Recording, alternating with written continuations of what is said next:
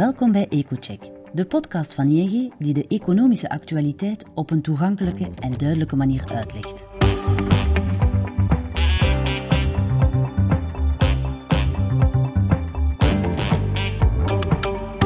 Om de twee weken buigen onze economen zich over de meest besproken gebeurtenis en analyseren zij de economische en financiële gevolgen voor u of uw onderneming. Vandaag is uw gastheer Wouter Thierry, econoom bij ING.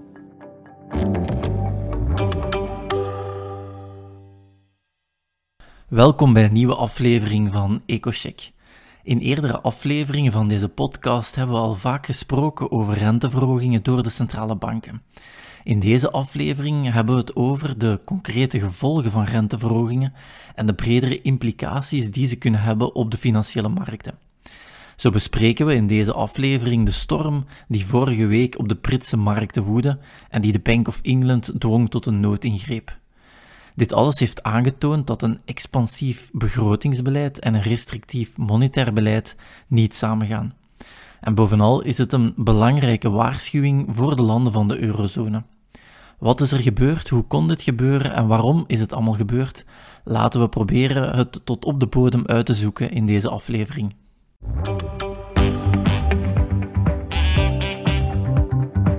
We luisteren naar de analyse van Wouter. Het begon allemaal op 23 september toen de nieuwe regering van Liz haar nieuwe plannen presenteerde om de energieinflatie te bestrijden. Iedereen had zich al verwacht aan een expansief begrotingsbeleid, maar de omvang ervan kwam toch nog als een verrassing binnen. De aangekondigde belastingverlagingen in de regeringsplannen zullen zorgen voor een sterke toename van de schuld in de komende jaren. De kosten van de onlangs aangekondigde maatregelen zouden oplopen tot 160 miljard pond over de komende vijf jaar. Maar aangezien de kosten van de energieprijsgarantie sterk afhankelijk zijn van de groothandelsprijzen voor energie op de internationale markten, zou de rekening van de plannen nog verder kunnen oplopen. Daardoor moet de Britse regering heel wat extra schulden aangaan. Dit vooruitzicht van een forse stijging van de schuldgraad heeft extra druk gezet op de koers van Britse staatsobligaties.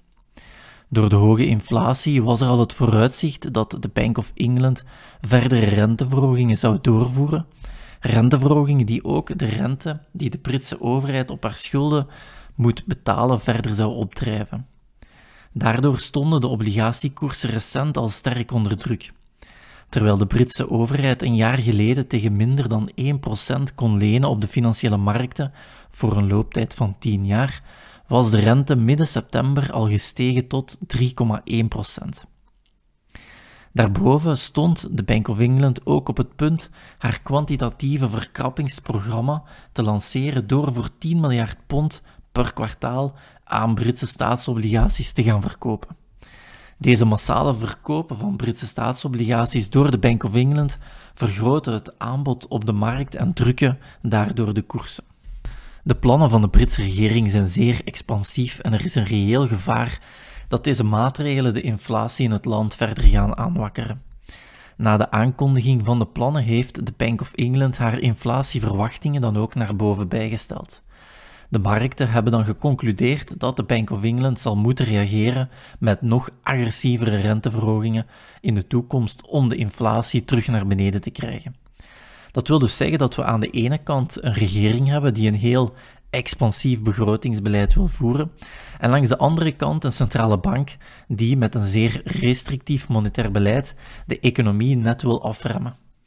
Die twee gaan dus in tegenstelde richting, wat helemaal niet gunstig is voor obligatiebeleggers en hen ertoe aangezet heeft om nog meer Britse staatsobligaties te verkopen. De koersen van Britse staatsobligaties, die al onder druk stonden de laatste tijd, kwamen zo nog meer onder druk te staan. Zo is de rente op staatsobligaties met een looptijd van 20 jaar afgelopen dinsdag gestegen tot 5%. De rente op een looptijd van 10 jaar steeg tot 4,5%. De stijging was zeer explosief, 150 basispunten erbij in twee weken tijd. Op het dieptepunt van de obligatiecrash zijn de obligaties met een looptijd van 10 jaar maar liefst 20% gedaald in waarde op slechts 3 uur tijd. Deze massale obligatiecrash ondermijnde al snel de wereldwijde financiële stabiliteit.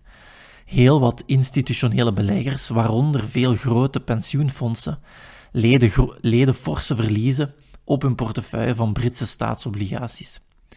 Deze fondsen hebben typisch een grotere blootstelling aan staatsobligaties, die doorgaans als veiliger worden beschouwd.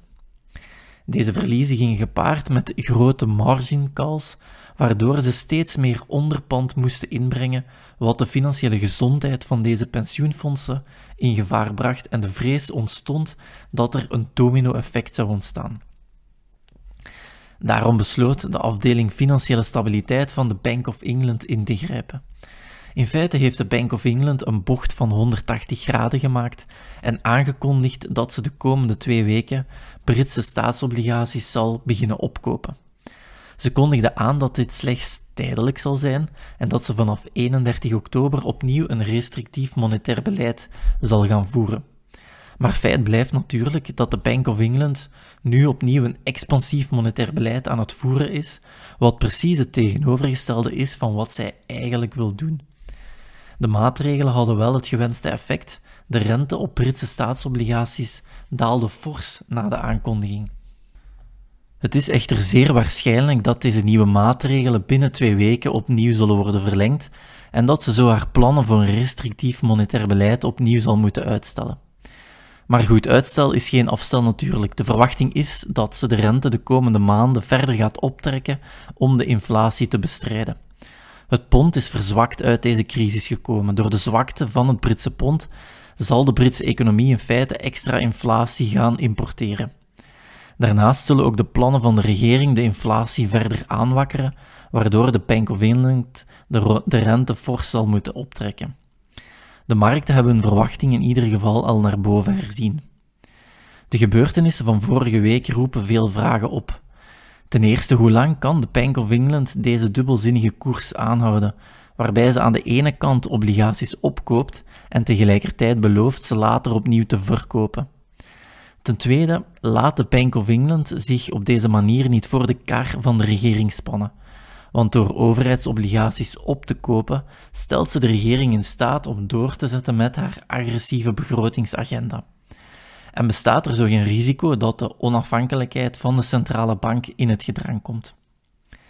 In het algemeen vormt de situatie in het Verenigd Koninkrijk een belangrijke waarschuwing voor andere landen, zeker voor de landen van de eurozone.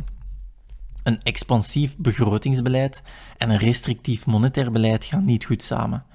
En het feit dat de markten zich nog niet al te veel zorgen hebben gemaakt over de overheidsfinanciën in de eurozone, betekent niet dat er geen groot risico bestaat dat de bezorgdheid snel terugkeert. De situatie kan zeer snel omslaan en de overheidsschuld kan zeer snel een ernstig probleem worden.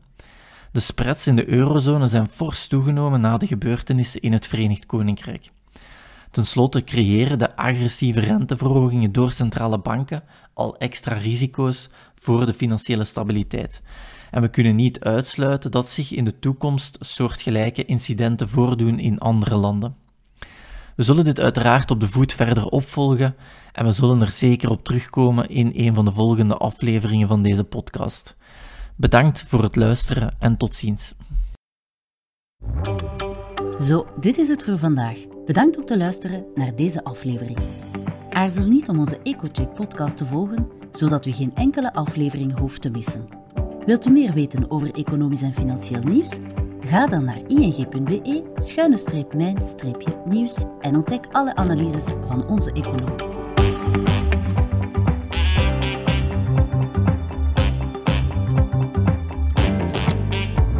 Graag tot de volgende aflevering.